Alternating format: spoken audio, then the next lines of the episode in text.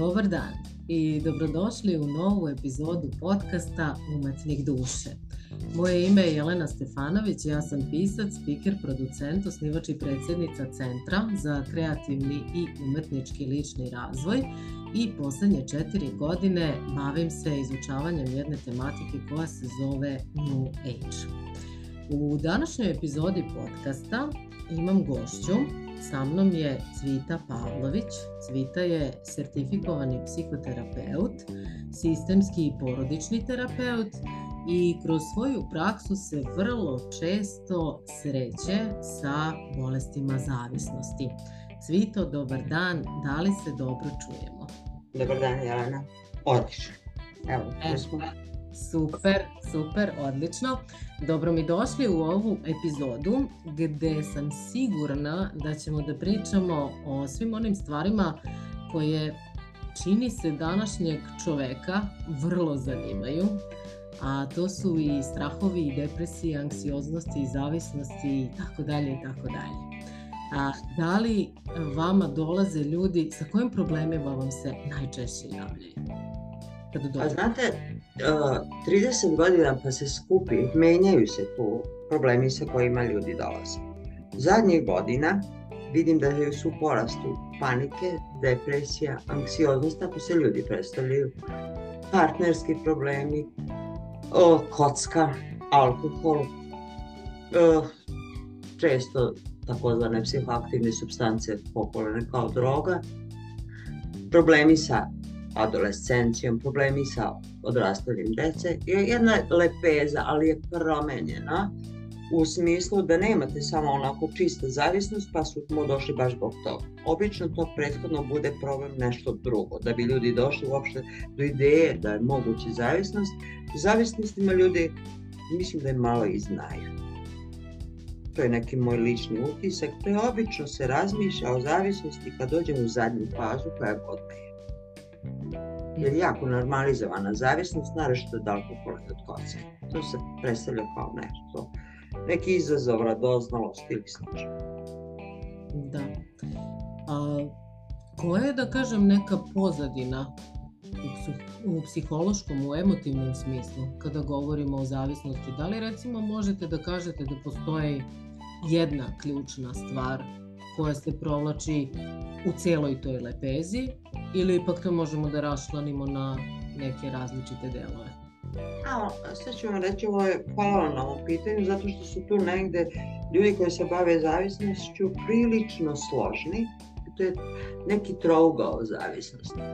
Gde morate imati sredinu koja podržava zavisnost. To je nemoguće drugačije. Morate imati ponašanje ili substancu zavisa, jer behavioral su ponašanje, nemate substancu i morate imati ličnost koja je za to prirepenčiva. Ako imate taj trougao, to je zavisnost, nema šta, ona je, to je geneza zavisnosti. Bez, samo isključite jedan deo, zavisnosti nema. Bilo koju tačku tog trouga. Tu su dosta jedinstveni ljudi koji se bave problematikom. Mm -hmm. A kažite mi Cvito, pošto ste sad rekli konkretno okruženje, da je jedna karika i da je da, struktura ličnosti takođe druga karika. Ličnost koja je prijemčiva, zato sad moram malo da vas kažem, da onako da je sad tu nešto dokazano, na primjer na ti e, nešto biološki, još uvek iako se to ispituje bokvani 200 godina, se ozbiljno radi, makar na alkoholizmu, uh, ali postoje prijemčive ličnosti, znači uvek postoji i uvek postoji sredina koja to podržava. Jer da nema te podrške, zavisno se nikad ne bi razvila. Mm, ne bi se razvila nikad alkoholizam, kocka, da nema tih uh, kocke, tih behavioralnih ponašanja koje daju neku dobit. Početku neko nije ušao u zavisnost zato što je hteo da bude zavisnik. Ovogu nije to ni htela ni sredina. Ali to nekako najčešće je tu porodica, okidač ili prepreka, zavisa koja strana Znači to sve međusobno nekako tako zajedno funkcioniše, ja. ne može jedno bez drugog. Ne, može, mislim, i kad hoću da objasnim, pa najčešće sam krajnje nerazumljiva šta je zavisnost, pa to je fenomen komunikacijona, adaptacioni i cirkularni. Sva što sam rekla, ništa nisam rekla. Komunikacije se menjaju, lično se adaptira, porodica se adaptira i komunikacije se menjaju. To je karakteristično za sve jednu zavisnost. Ne je vezano kako koji ćemo mi sad staviti ispod. Da li ova ili ona, kod interneta, virtualna, seksualna, ovo je uvek prisutno. Da, sad kad ste to pomenuli, hajde da vidimo koje su te zavisnosti koje su društveno prihvatljive i koje u nekom trenutku mogu da eskaliraju u nešto ozbiljnije, ali... Čekajte, predivno to. Društveno prihvatljivo. Ja koliko iz mog iskustva vidim, evo ja sam sad nabrao ove što su tipične, kao sad svi se nešto sad znamo, kocka, alkohol, droga, pa ja molim vas, pa to je toliko prihvatljivo, toliko normalizovano u našoj sredini, da je to tek kad eskalira problem, kad počne da smeta sredini, tek tad reaguje. Često to bude prilično i kasno, najbolje prođu ljudi koji najranije neko odreaguje. Najčešće je to i lično, pa da je neko došao, ja još te situacije, naravno ne govorim prisili fizičko ili tako nešto, da je neko došao apsolutno dobrovoljno, to još nisam vidio. Ili je neki strahovi unutar njega, ili pritisak porodice, pritisak, ne znam, poslovne jedinice, neki pritisak uvek postoji. Dobrovoljno da neko izađe iz zavisnosti, to baš nisam ni videla, apsolutno, znači ako volimo, apsolutno i dobrovoljnost. Da. Da li biste recimo radoholizam mogli da svrstate, odnosno da li spada u... Radoholik? Da. Kako da ne?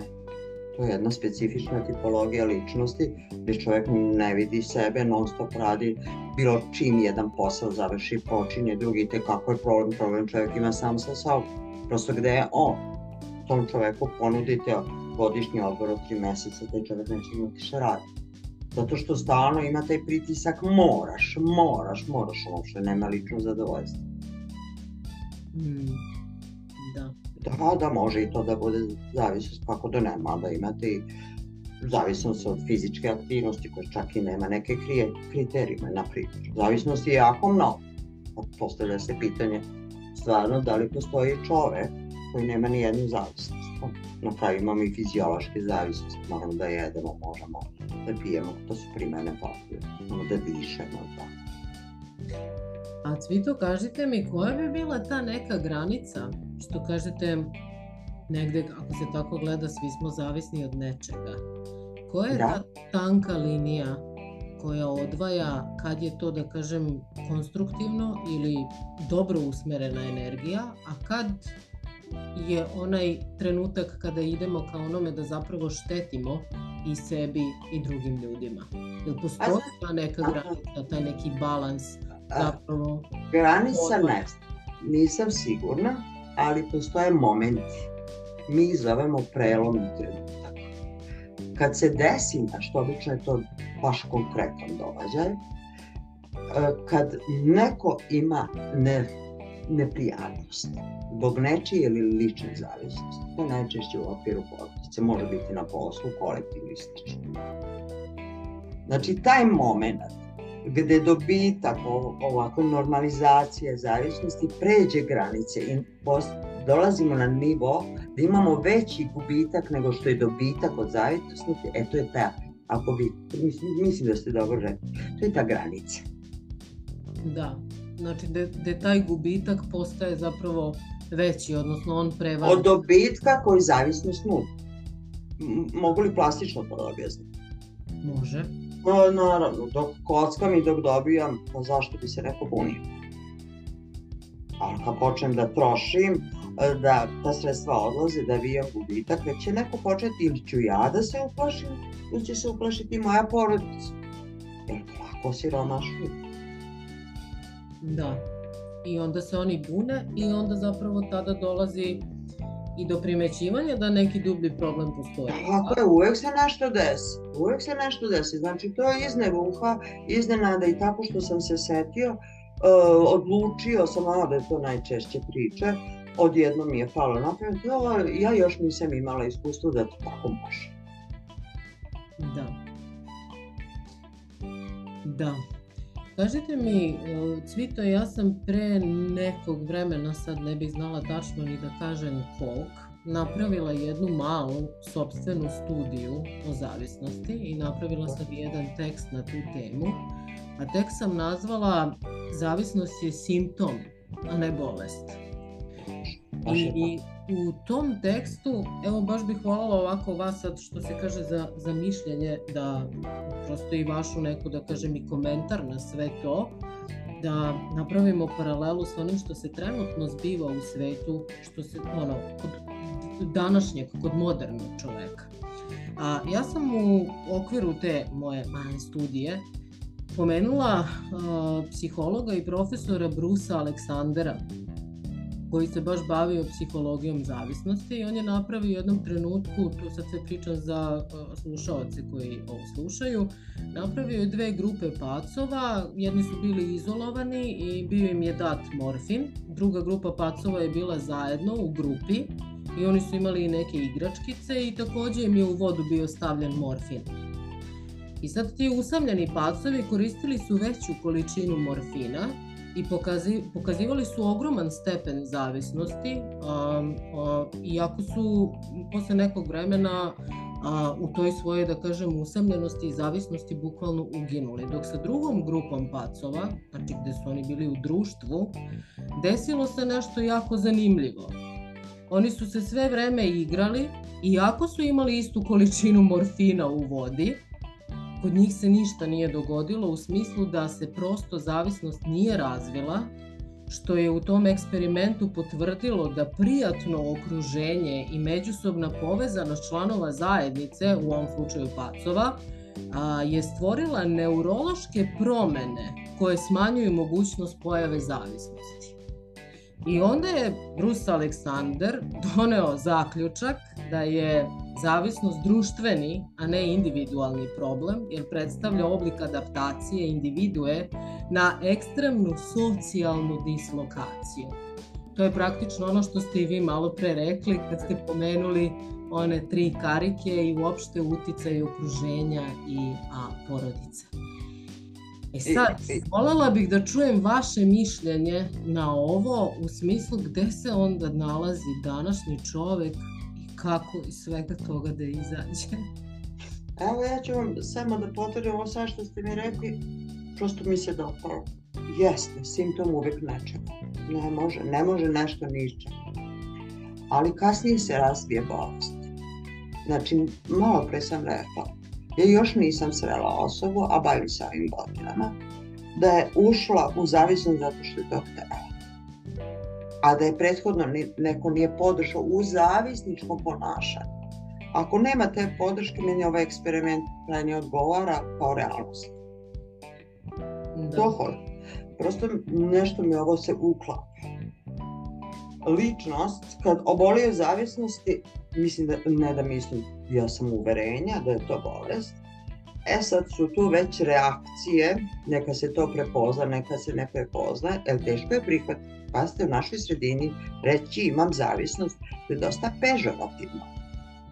Dugo mi to krijemo. Uh, onda mi imamo mnogo saveta, a malo pomoći. A saveti su dosta agresivni postupci. Krećemo od sebe Nemoj. Sa, mnogo mi je drago što ste ovo rekli. Mnogo. Oprostite što sam vas prekinula. Ne, da, ste, samo mi pomozite, kvalitetan razgovor dopada se. Uh mhm. -huh. Da, da. U čemu sam vas obradovala, da prosto znam da nastavim. Ovo što ste rekli da je savet agresivan, da je mnogo saveta, a malo pomoći. E, ja znam kad ja radim svoje procese, kad stavim sa ljudima, tu imam i iskustava, ugovor o postupanju između ostalog ja ljudima predočim u startu sve sa koleginicom sa kojoj radim. Od mene nikada neće dobiti savjet. Ko sam ja da nekoga savjetujem? To je prosto preuzimanje moći nad drugim. To prosto nije ni ljudski ni fair. Može, može od mene da očekuje, od moje koleginice, da se uhvatim u koštac sa realnim problemom, kakav god da je, pa nešto ćemo naći. Je razumevanje. To su egal pozicije. Tu nešto možete očekivati, ili ja to očekujem promen. A već ako ja dajem nekome savjet, znate šta? Savjeti su takva jedna agresivna forma, da vi, ako bih vi meni dali savjet, vi potpuno i mene isključujete. onda mene ne. Ja sam u podređenoj poziciji. Ne znam da li se se razumije. Apsolutno. I to je dosta opasno, znate, savjet, to je dosta opasno, vrlo je to zavodljiv. Savjet, dobronamjerno delo. Ja lično savjet nikad nisam doživjela dobronamjerno. Možete mi dati predlog, ali da ću ga ja prihvatiti ili ne. To je već druga stvar. Da li će klijent prihvatiti moj predlog? Apsolutno ima pravo na izbor koji se moj ne može i da ne dopada. Pa šta? Da. To je pravo čovjeka da bira put, da bira cipele koje su mu tamana, ne koje se meni sviđaju. Onda ulazimo u jednu drugu zavisnost. Zavisnost od osobe, to je mol, isto problem. To sam srećen se i sa tim. Znači, zavisnost je zavisnost je živ organizam, menja oblike kroz vreme i civilizaciju.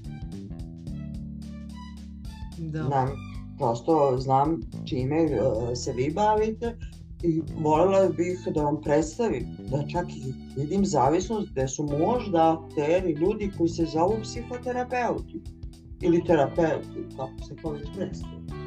Kako to izgleda? Da. Da dolaze mi ljudi, nije to samo zavisnost, ja sad govorim o kocki, o alkoholu, zato što su to prihvatljive normalne zavisnosti, pa su kao veliki borci, ali ljude ruku na srce, da li smo nešto rešili? Pa baš i nismo. Rešili su samo ljudi koji su došli. To sam ja kada imam stav. Mogu da se bavim čovekom koji ispred mene. A baš da uđem u koskaricu i da pričam ljudi to vam nije dobro. Da radim. Ovo je savršen plastičan primer kako bi tako nešto izgledalo na delu. Pa evo, otići ću tamo gde mi dolaze ljudi, ali prosto skupi se iskustava. Znači što zadnjih deseta godina dolazi do promene promene u obliku zavisnosti. Ja lično mislim da je zavisno. Šta bi neke drugi kolege rekao? To je sa zavisi. Dolaze mi ljudi koji čudno od problema, malo kad smo rekli, panika, depresije, pa čak bilo i suicidnih misli, verujte, ili ja dalje imam ugovore, Znate, dođemo do problema i onda dođemo do rešenja i pričamo o preprekama. Ljudi pa ljudi su već 50 godina bili u nekim procesima. U čemu je stvar?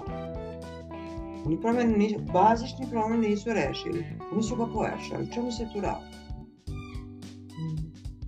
To ono što je meni zanimljivo i to se već pojavljuju ljudi sa takvim stvarima.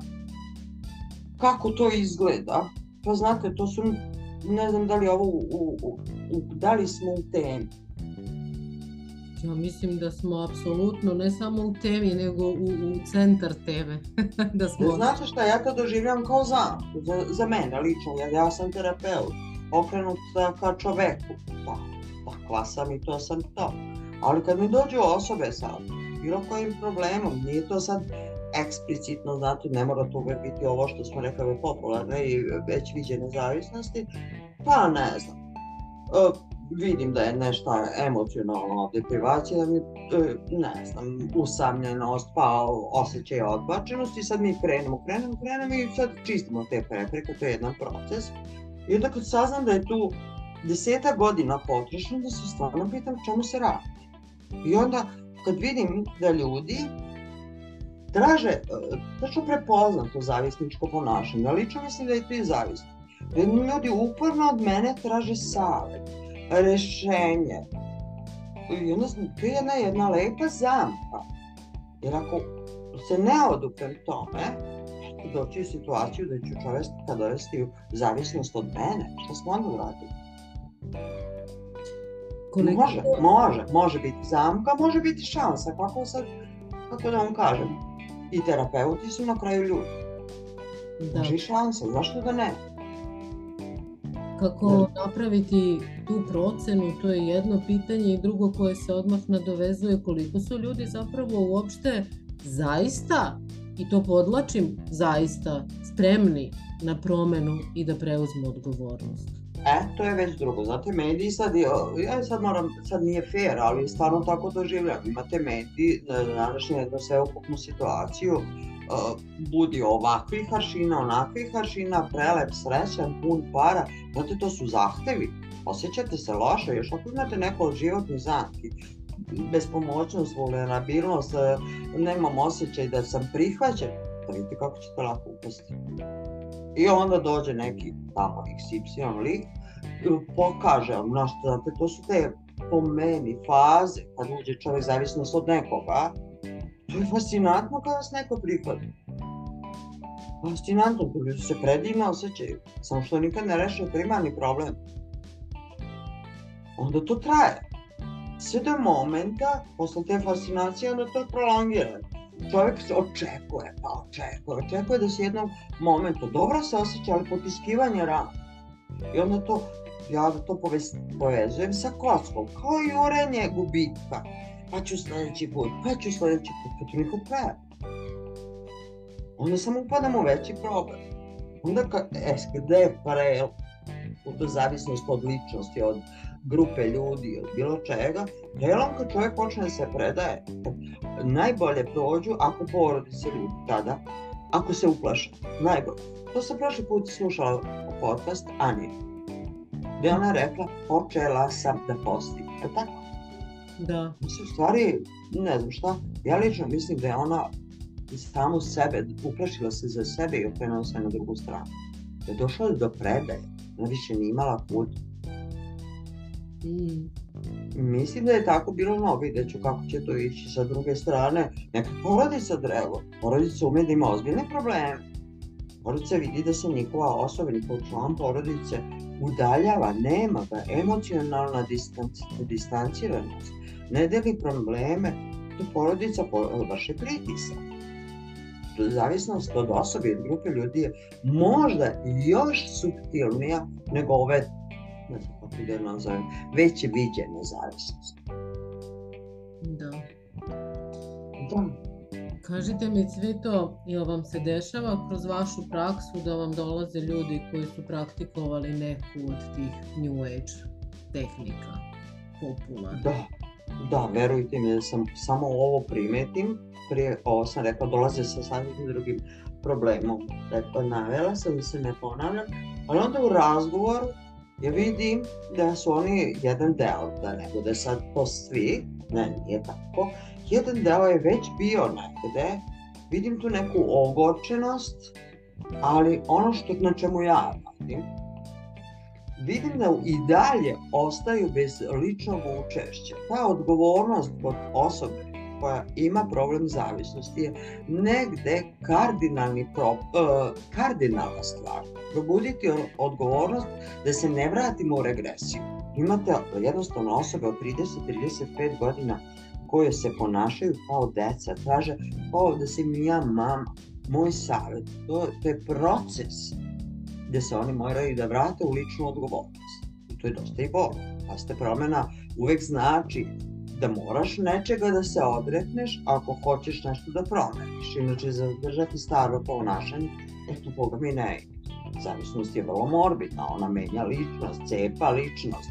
Tačno imate a to prve prepoznajem i kod ljudi, zavisno od grupe, od pojedinca, sve taktike koje su prisutne, kod bilo koje zavisnosti su prisutne i ovde. Ja mogu da ih napravim, to zanimljivo. Pa možeš, to da ne. O, naravno, to između ostalo, naravno se uvek javi projekcije, racionalizacija, jer to su dve najupornije taktike, to znači uvek je neko za nešto kriv, pa je kriva, prosto to ničemu ne vodi. Mi ako nađemo krivce i zavisnosti, nikad nećemo izaći, bolje nešto razumeti nego optužiti. Onda, posle toga, ide raci, uvek je tu mnogo objašnjenja, mnogo stručnih članova da bi se potkovalo stanje u kojem se nalaziš i uvek se skreće sa teme, jer nema odgovornosti, uvek je poređeno sa nekim i sa nečim, negiranje posledica, posledice su po svim kriterijima zavisnosti prisutne uh, i naravno potiskivanje. Zaboravljanje šta je bio realnost. To je emocija koja je dosta patološka, potiskivanje je dosta maligna stvar. A posledice su po svim kriterijima zavisnosti, i porodične posledice, i o, profesionalni, socijalni, emocionalni, komunikacijni, to već onako jedan šablon. Više ako smem tako da kažem, zavisnosti vrlo su zanimljive. Sve su veoma slične, a svaki čovjek je priča za sebe, malo paradoksalno, je tako? Da, da. A šta mi recimo možemo da učinimo ako smo deo tog okruženja? Kako mi možemo da prepoznamo kod osobe dok to ne pređe onu tanku granicu o kojoj smo pričali, nego kako na vreme i blagovremeno može da se deluje? Da li smo mi onda kao društvo totalno emocionalno nepismeni ili smo se toliko otuđili ili šta je posredi i kako to da popravimo u smislu da... Jeste generalno? Generalno, da. Generalno, kako da primetimo da neka osoba zapravo ima taj neki potencijalni problem u sebi koji je do neke tačke onako društveno prihvatljiv i kao super je na, na dobitku je, nije na gubitku ono što ste pričali, da ne pređe u ovu drugu stranu i da ne postane pogubno, pošto definitivno da. postane pogubno za sve, i za pojedince i za grupu. Jeste, jeste, to nije lična stvar, to je uvek stvar svih onih koji su okruženi. Zavisnost ne može da bude lična stvar. Ako je lična stvar, kako onda pate svi oko njega? Mislim, bez veze. To mi je baš bez veze lična stvar. Pa kako je lična stvar? Da, ne. logično se i upire prstom u tog jednog koji postane zavistan. Da, to se takozvani identifikovani pacijent ili kako mi to kažemo klijent. Da, ali oko njega je grupa ljudi. Vi, vi ste me pitali kako reagovati. Mo mora neko da. prvo da prepozna problem. Sama osoba koja je u zavisnosti pa i neće tako lako. Pritisak neki mora biti. Mislim da sam tokom sad ovog izlaganja govorila da je apsolutna dobrovoljnost, ako to da i ne postoje neki pritisak mora da postoji. Da li je lični strah, da li je porodica napravila pritisak, ali neko prepozna. E sad, tu je poenta da je porodica, jel ja sad imenujem porodicu koliko je to u redu ili ne, to sve o tome možemo čitavu emisiju da govorimo, ali vidite, porodica je ta koja najčešće pokrene sve alarme. Jer ne može više da, iz, da izdrži pritisak zavisnosti. Naravno da se onaj koji identifikovani klijent, on se pobuni, ali nema kud, onda bi, o, promeri, izmeri šta mu je jeftinije. Da ostane u zavisnosti ili da porodica preduzme korake koje njemu se ne dopade. Ili može lični strah, kako da ne. Strah za život, strah za egzistenciju, kako da ne može i to biti veliki okidač. A inače, o, ovako zavisnosti kad je čovek dovoljno finansijski, na primjer, obezbeđen, to je vrlo teško reagovati. Da on se osjeća dovoljno dobro. To ako nema nekoga ko će to usloviti, e, vrlo teško se tu izlazi. Mislim da još nešto kaže, pa i zavisnosti nikad nije bilo lako izaći, vrlo mali broj ljudi uspjeti izaći jednostavno sile koje vuka i ovo vam kažem, vi kažete društveno. Društveno ja lično mislim da pojedinačno veoma malo šta može. Mogla bi da se napravi jedna jedna suma ljudi, jedan, evo onda bi moglo nešto da se uradi, ali čekajte sile koje se formovišu zavisno, nikako ne mogu da ih, pomi, uh, da ih ponizi. Veoma su moćne, da nije tako, zar bi mi pričali danas o ovo? Da, istina. Istina, da. Da. I sad kad ste pomenuli malo pre financije. Da. Šta sad recimo mi možemo da učinimo i s obzirom da je ceo svet u nekoj vrsti krize baš kad je taj segment u pitanju? Mis, mislite o novcu? Da, da. Čekaj, to je baza svih zavisnosti, bez obzira kako se koja zvala. Jeste novac. Dajte malo, mislim, to je tako. Kad vi okrenete, zašto? Mislim, zar nemaju svi nekakvu korist? Zavisnik je samo žrtva. Bilo koju zavisnost koju vam padne na pamet, naravno govorimo o ovim popološkim, gde, pa zar to nije uvek korist novac? Uvek je neki profit. Pa sad, koga uzima, da ima priliku da diktira su društveni fenomeni, to nisu pojedinačni fenomeni, ne bi se to nikada razvilo da nema koristi sa druge strane. I to je, ako mislimo o ekonomske, finansijske, da, baš tako. Da. Baš tako. Kocka. Kad bi se ona raz, e, razvila toliko da nema finansijske koristi, bilo, bilo pojedinačno, bilo društveno. Pušenje. Naravno, pa naravno, pa izvinite malo vas koliko ljudi, E, prom, na, naravno, na cigaretama imate upozorenje. Sve to stoji, stoji i to da nema upotrebe i ne može da se kupi, stoji to su sve fantastični potezi, lepi, ruku na srce. Najveći efekt je dala zabrana pušenja u zatvorenom prostoru. Što da. najveće. A inače do tada, šta, prohibicija je bila pa kako je smanjeno. Onda ove zavisnosti od grupe, to je već poznato, od grupe pojedinca, čim je društvo malo u krizi, moralno, duhovno, kako god hoćete, boga mi i verski, zavisno se pojača. Da. To je jasno. I pritom se taj teret odgovornosti, od koga malo prepomenu smo pojedinac negde i beži, dodatno mu se nameće u stilu... Jeste, jedan licemeran, vrlo, vrlo, ako me pitate kako mislim, ja ću vam samo reći možda, možda malo grubo, po meni je jedan licemeran stav. E, samo ti ideš, budeš srećen ako grupe ljudi, kako da ne, to je divno, fantastično, ali onda kad to pređe, kad nema čovek financije, onda nam ne trebaš više. Tako i sa kockarima, tako i sa alkoholičarima, divno, baš treba, valja se, u našoj kulturi, ali kad počne da pravi nevolju, onda smo jako spremni savjetnici i. Veoma veliko lice. Da, da. E, pazite, ja sam vrlo jasna, sad da li to je okej okay ili ne, možda sam pretera, izvinite. Ne, ne, to vam posla. pa, mislim, ono... Jednostavno sam tak, uh, takav negde i život moj, vodim i rad sa klijentom, da me, da te ljudi budemo jasni. S tim da i oni, uh, ljudi meni imaju pravo da kažu, slušajte svi to. Ovo mi se ne dopada, ovo mi se dopada, ovde se razume, ovde se ne razume, to je prosto čovečno. A već ako ja sve razumem, a vi tamo s preke strane ništa ne razumemo, onda je pitanje koje su moje namere. Da, da. Apsolutno, a ono što smo i pomenjali, generalno da bi se problem rešio, o njemu mora da se priča, ne može da se taji, da se potiskuje. Mora da se... Dolazi do rešenja problema. Jelena, problem da bi se rešio, jer problem zavisnika je što ne znaju da reše problem. Problem da bi se rešio, on mora da ime ime. Tako je. A, ako je kocka, onda je kocka. Ako je zavisnost od grupe, onda je to. Ako me bole koleno, onda idem kod ortopeda. To mora da ima ime, a ne racionalizacija, to je ta komunikacija. Sve govorimo okolo, a u centar niko. I onda očekujemo da se neko promeni. Kako?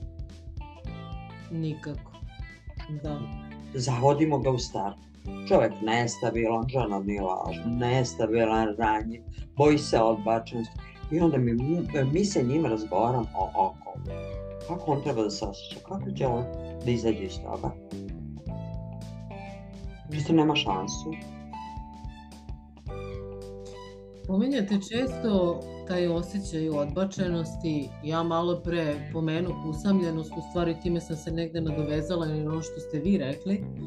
Da. Pa hajde samo da napravimo jedan mali osvrt na depresiju i na da. Strahove i da li nekako vam deluje da se od one 2020. godine pa na ovamo nešto dogodilo i kad je to u pitanju. Jel pojačano? od, koro, od korone? Da, da. Pa ima, ima to, to je očigledno, ne znam, jel na dnevnom nivou vidim, vidim među ljudima, njihova iskustva, sada sam baš nešto istraživala, pa i nisam, samo vidim da je nivo anksioznosti i depresije su ozbiljno se povećala, ja sam primetila i nivo agresivnosti Ljudi kao da nemaju više kapaciteta da nešto izdržavaju. I najmeni uh, neki nepovoljni mm, moment, neki stres, ljudi kao da nemaju više kapaciteta. Negde se prepune. To, to primećujem, ne znam da li ste vi primetili, u gradu, u marketu, bilo gde, da su ljudi tenzirani. Da, da, baš ovo što ste rekli, negde se prepunilo i ovaj izraz kapacitet, to sam imala vrlo često prilike da čujem, pa čak i sama sam morala da priznam da sam se osjećala nekad tako da ono, prosto nemam kapacitet da nešto, kao da je taj neki pritisak mnogo jak. I još nešto, ja ću sad malo da se vratim, možda će se uplesti u nešto što možda nije moje. Nekako imam, to je moj doživlje, da je, da je čovek kao čovek, da je život, postao nekako ma, a, potrošna roba. I to počinje već kao čovek koji Da. Nekako toliko je prebukirano informacijama da ljudi kao da, ili možda i tako, ne re, to je taj tak kumulativni stres, čini mi se, kod jednog dela ljudi prisutan, da uopšte nemaju veštine da poređaju stres. On samo ide, ide, ide i onda se već otvorena vrata za zavisnost. Jer zavisnost jeste šta? Na neki način. Da. Da li vam deluje da je nekad zapravo zavisnost na globalnom nivou namerno izazvana određenim pritiscima, socijalno-finansijskim i ostalim uslovljavanjima i tako dalje. Ono što se kaže pojačava se pritisak gde čovek jednostavno puca. Namerno. Uf, kako me sad to... Prosto ste me uhvatili da razmislim da je namerno. Sigurno da je interes. Da, možda sam i ja isto da kažem neki ono, neadekvatan I... izraz upotrebila, ali interesno da, u smislu jer... Interesnost mi se uklapa. Da, jer da. je činjenica da taj pritisak stvarno raste sa svih strana. Pa ne znam, ali globalno je nešto se menja, svet se menja. Ljudi su globalno nesigurni, da li mi govorimo danas u Srbiji, u Americi, ali ljudi su svugde nesigurni, Emirati. Da. Jedan, jedan dobar osjećaj nesigurnosti. I nije to lako nositi. Kad vi imate još život u zamku, da ste odbačeni, da ste bezvredni, pa da vidite vi kako je lako ući u zavisnost. Uopšte da tvrdim kako je nemoguće ući, Boga mi je moguće. To je, samo treba biti oprezan. Oprezan naročito u situacijama kada neko nešto mnogo čini, a znate šta, ništa nije džaba. Kada vas neko mnogo voli, pripitajte se ljudi, a zašto nas baš toliko voli? Setih se, a ne, bezuslovno me ni mama ni tata ne voli. Realnost Da, da, da, to je to skidanje. To su tako jedne zamke u situacijom kad nama u stvari treba i konekcije, i društveni život i emocije koje smo sve podredili nekom biznisu i internetu, jer to je pritisak svetskog. Svetski poredak je tako. Da. I onda dobijete onu sliku kako bi trebalo, onda vi negde savjedate, vi ni blizu onoga što mediji promovišu niste. Znate, malo se osjećate bez veze. malo, malo besmisle. Da. Pa kad su nametnuti ti neki kriterijumi yes. yes, i svih yes, strana yes. se čovek bombarduje time. Jeste, jeste, jeste. Da. I tu je ono, u jednom delu smo govorili o porodici, ja lično mislim da i porodice isforsirana i mnogo pritisnuta, ne može ni onaj da izdrži baš sve pritisak. Pa i ona ima svoje mogućnosti i kapacitete i ona nekako popušta. Urušava se. Da. To je neko moj doživljaj. Jako lako potegnemo za tim porodice odgovor, pa čekajte, taj porodica je deo nekog univerzuma. Nekog, nekog šireg sistema, odnosno isto kao ćelije, pa tkiva, pa organi, pa organizam. Jeste, pa kaže porodica ima granice. Pa dobro, ali grad baš je pritisnuto. E, dostojanstvo porodice može da bude urušeno roditelje, kako da ne kupi mi tata patike, on kaže ne znaš ne, pa ugled oca je malo pao i majke. Da, da. Da, da, tako je nekako. Da, da, da, da. Nasmijala sam se, ali nije ovo baš lep sme. Malo imam taj odnos prema čoveku. Mislim da je nekako nehumano vreme. Jest.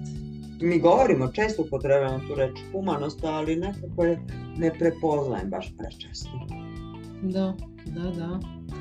Da, Cvito, kad se vratimo na onu priču o zavisnosti, samo time možda da zaokružimo priču, a rekli ste da postoje tu neke faze u svemu tome i da... Mm, Mislite o društvene zavisnosti? Pa ne, ono zavisnosti o čemu smo pričali, pa ste rekli da ne može baš zavisnik da se iščupa tako lako i... Ne. Pominjali i te neke faze A, je li ima neka tačka kada se čovek na nešto navuče? Znači, bez obzira šta je u pitanju, da li su New Age tehnike ili alkohol ili droga ili nešto peto? Pa ste sad da vam kažem, Mhm. E, Jelena, svaka ta pojedinačna zavisnost pa ima neke svoje faze. Mhm. Alkohol ima fazu umereno, pije na treningu i zato ide pretoksikomansko, da je toksikomansko prosto vrlo je dosadno pričati o tome, ne znam, kod kocke, u, u, faza dobitnika, jurenje, faza predaje i propadanja, ali i ovo i društveno sam primetila, zavisnost od grupe. I to postoji. Tu bi, mislim da su te faze malo, to je i negde možda i lični neki doprinos.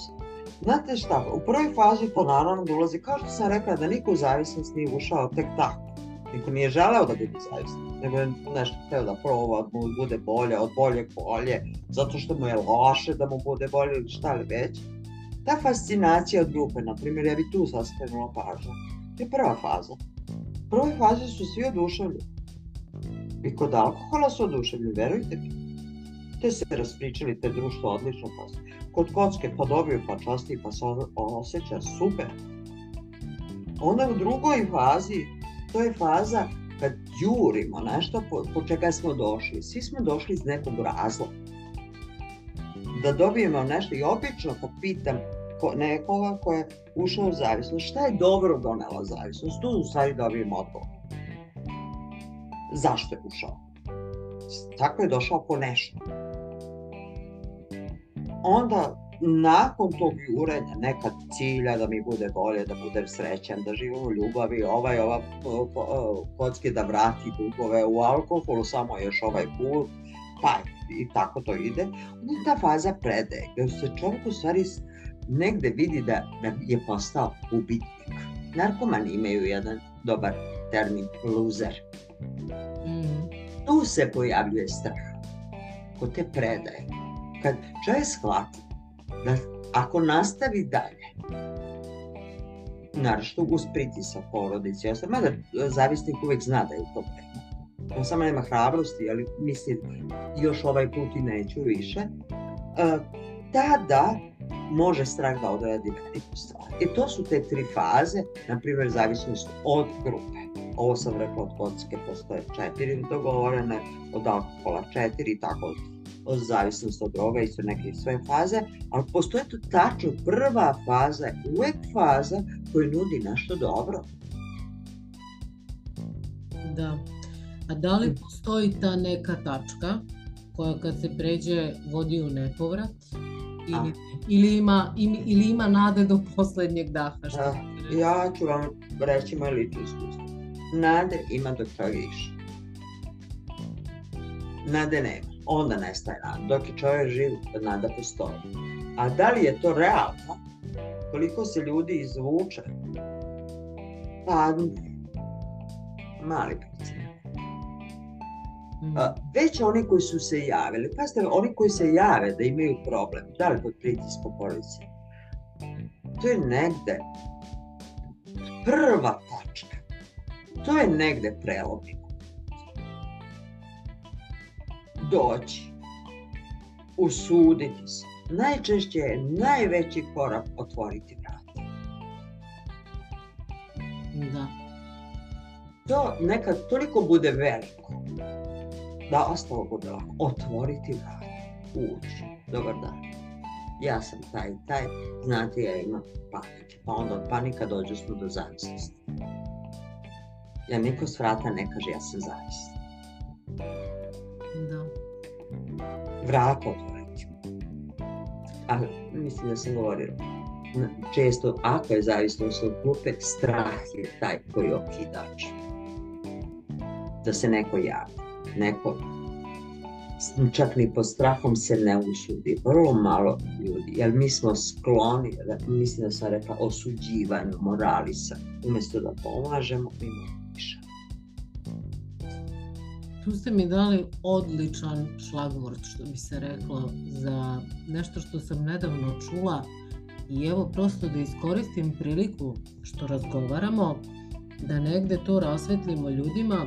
Često postoji onako da kažem u društvu jedno verovanje da kod psihologa ili psihoterapeuta idu ljudi koji su bolesni.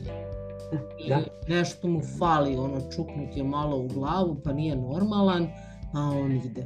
Šta biste vi mogli da kažete na tu temu u smislu da se razbiju te neke predrasude i da se prosto ohrabri čovek da se javi i psihologu i psihoterapeutu i kako on u kom trenutku on treba da se obrati, jer ovo kad pričamo o narkomaniji, alkoholizmu, kocki, to je već, mislim da kažem, i specifičan oblik i specifičan stepen, ali kako se čovek osjeća, kako, kad, u kom trenutku može da primeti da je njemu zapravo pomoć potrebna i kako da razbijemo tu stegu i predrasudu, da mu otklonimo tu zadršku da tu pomoć i zatraži u pravom trenutku. Pravi trenutak ne postoji. Postoji samo trenutak. A odgovor na vaše, ovo su predrasude ozbiljne, najbolje prođem s ovim malim klincima, adolescentima. Oni dolaze, naravno, dovedeni od strane roditelji, nisu ni došli dobrovoljno, i vrata kaže, ja nisam Bog. E sad, pošto su ja volim sa adolescenti, naravno, još kažem, pa ne bi mi ni ušao na vrata da si lupa ovde, ne mogu. I onda to negde razbije tu famu. A kako se ljudi jave? Zato što ne mogu dalje sami. Oseti.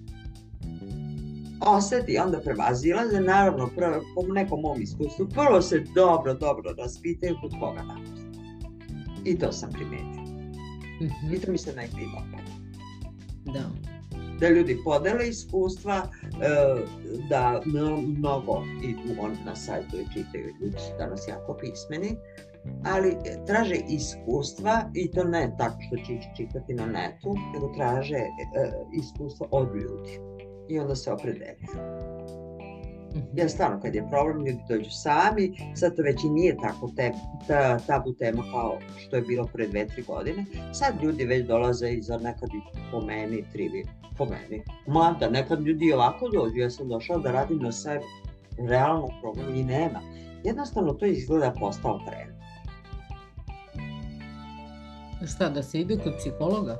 Kod psihoterapeuta, kod psihologa ne. Aha. Ja to ipak razlika. Jeste, jeste, ali primetila sam da većina ljudi tu razliku ni ne zna. Šta je to što dobijaju kod psihologa? koji se bavi psihom i vrlo preciznim određenjima da, diagnosti, a, nije diagnostika je procenuje ljudsku psihu, a psihodinamičar ili terapeut, kako god hoćete, mi služimo za to da tražimo rešenje. Razlika je velika. Mm -hmm. Zato sam vas i pitala da kažete, zato što uh, psiholog, psihoterapeut i psihijatar, većina ljudi potpuno to svrstao u jednu istu kategoriju. Da, psihijatar je čovek koji ima pravo da pravi, piše lekove, pravi, bavi se farmakoterapiju, tako da ne, psihodinamičar pa prava nema, ali se psihodinamičar bavi relacijama, emocijama i traženjem rešenja i promenama, ovo o čemu smo pričali, a promena deluje ovako naivno, šta jedna reč, ali promena je vrlo zahtevna stvar. Da, definitivno. I podrazumeva preuzimanje odgovornosti. A, pa, preuzimanje odgovornosti je vreo krompir, jer to podrazumeva i sazrevanje. Znate, imamo mi mnogo ljudi.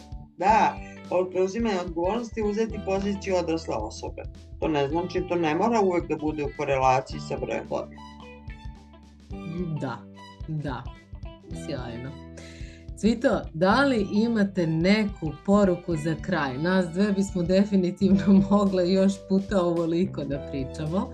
A da li imate neku poruku za ljude koji nas slušaju?